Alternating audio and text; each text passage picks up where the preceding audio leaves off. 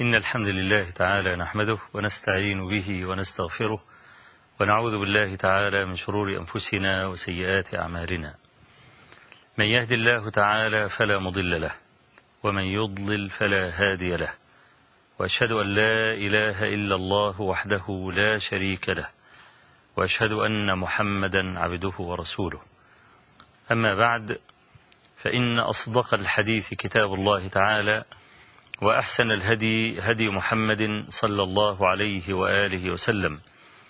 وشر الأمور محدثاتها وكل محدثة بدعة وكل بدعة ضلالة وكل ضلالة في النار.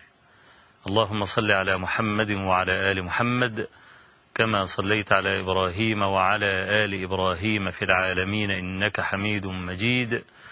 وبارك على محمد وعلى آل محمد كما باركت على إبراهيم وعلى آل إبراهيم في العالمين إنك حميد مجيد. أبو حازم سلمة ابن دينار الإمام الزاهد القدوة العلم الكبير الأعرج صاحب المواعظ والكلام الذي يشبه كلام الأنبياء. وأنا أحب سلمة ابن دينار من قديم بسبب كلامه الرصين وثناء جمع عليه. يعني عقدت عليه الخناصر. أبو سلمة. وقد انتقيت لكم بعض كلامه الذي أعجبني. الكلام كثير.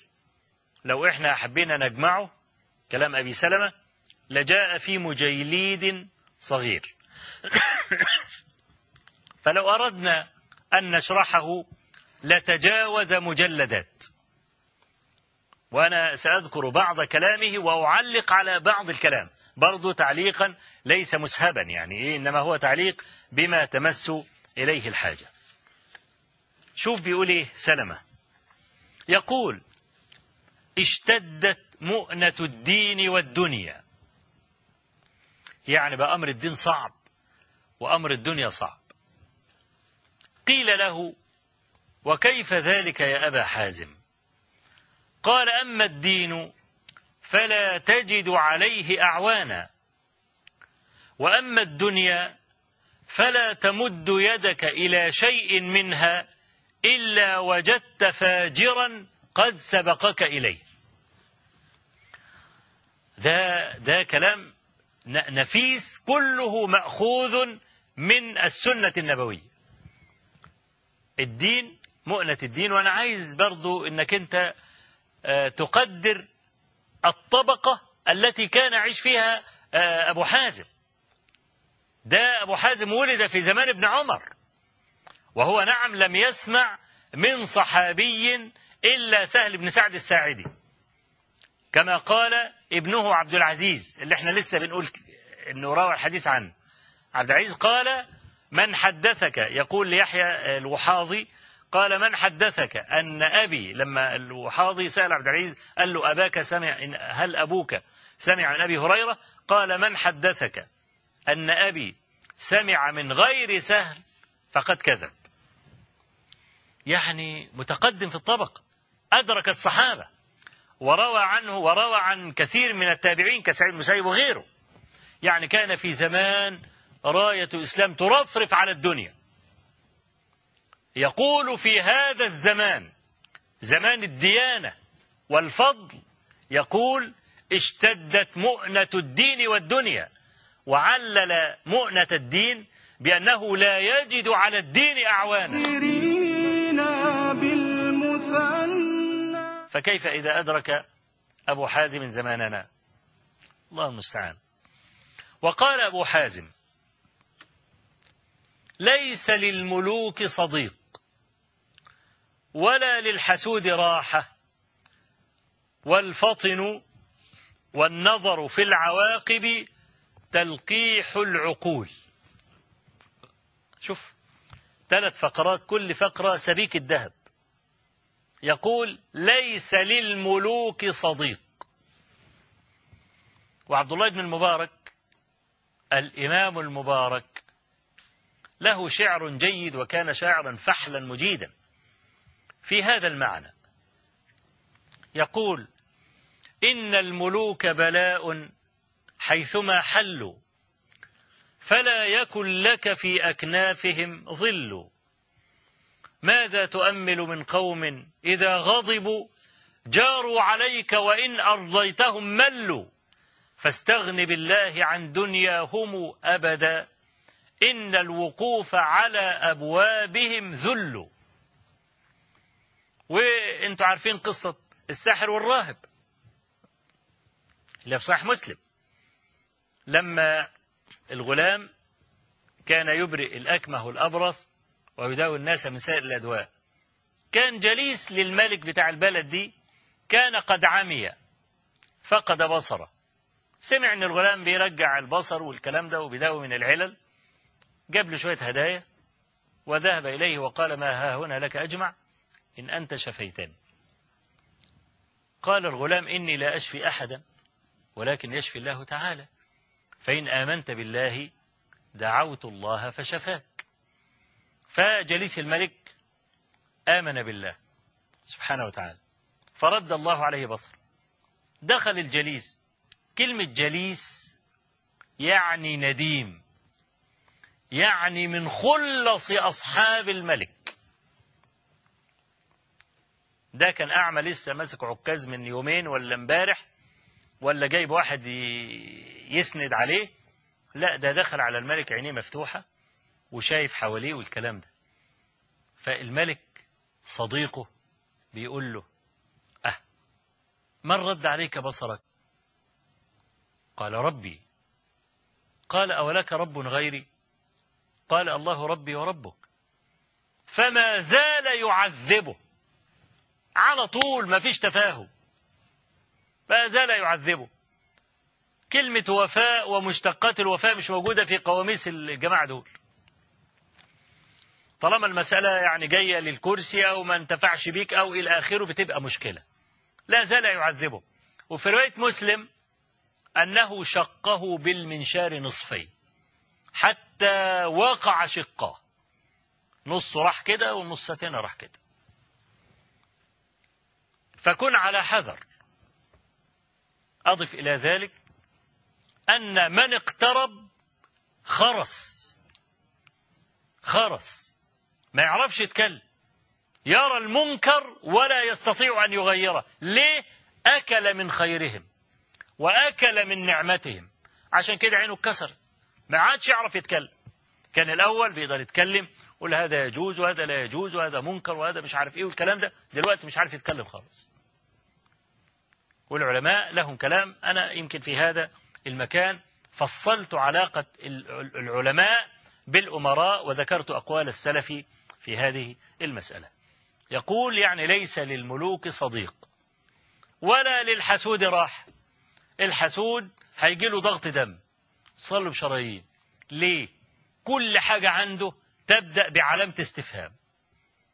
تبدأ بأداة استفهام وتنتهي بالعلامة إياه العصاية العوجة دي المعوجة دي اللي تحتها نقط.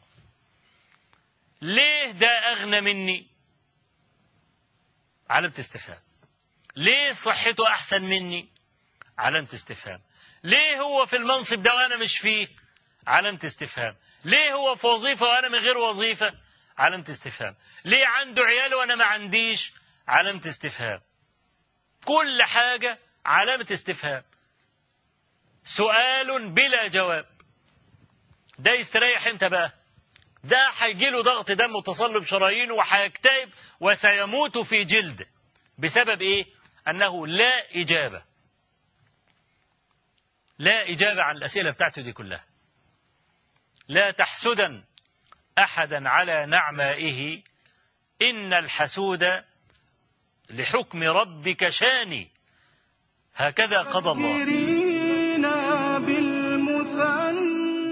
لو أنت إنسان فاضل بقى وبتفهم وتقدر هذا التقدير وتحسن ظنك بربك هذه الشقوة وهذه المحنة من وجهة نظرك تنقلب إلى نعم وتتفرغ لربك سبحانه وتعالى وتشوف تقدر تحفظ قرآن تقدر تتدبر في معاني القرآن وكلما خلى المرء بنفسه وبذل قلبه لربه لا يعود كثيرا أبدا ولا يعود خاسئا أبدا لابد أن يرجع بخير.